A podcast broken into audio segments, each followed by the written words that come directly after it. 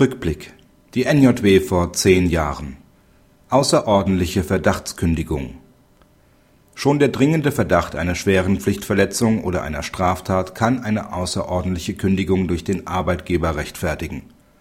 In der NJW vor zehn Jahren stellt das BAG klar, auch der Verdacht eines Diebstahls oder einer Unterschlagung geringwertiger Gegenstände stellt einen wichtigen Grund zur außerordentlichen Kündigung dar. NJW 2000, Seite 1969. Eine Abmahnung hält das BAG im entschiedenen Fall für entbehrlich es liege ein besonders schwerwiegender Verstoß vor, bei dem es für den Arbeitnehmer erkennbar ausgeschlossen sei, dass der Arbeitgeber ihn duldet.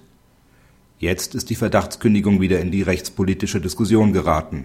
Vor allem die beiden oben genannten Aspekte der BAG-Rechtsprechung werden dabei in Frage gestellt: die Verdachtskündigung bei sogenannten Bagatelldelikten und das Erfordernis einer vorherigen Abmahnung.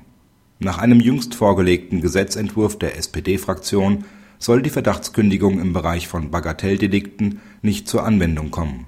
Ein Gesetzentwurf der Fraktion Die Linke will die Verdachtskündigung bei Eigentums und Vermögensdelikten geringwertiger Sachen vollständig ausschließen. In allen anderen Fällen soll eine vorherige Abmahnung erforderlich sein.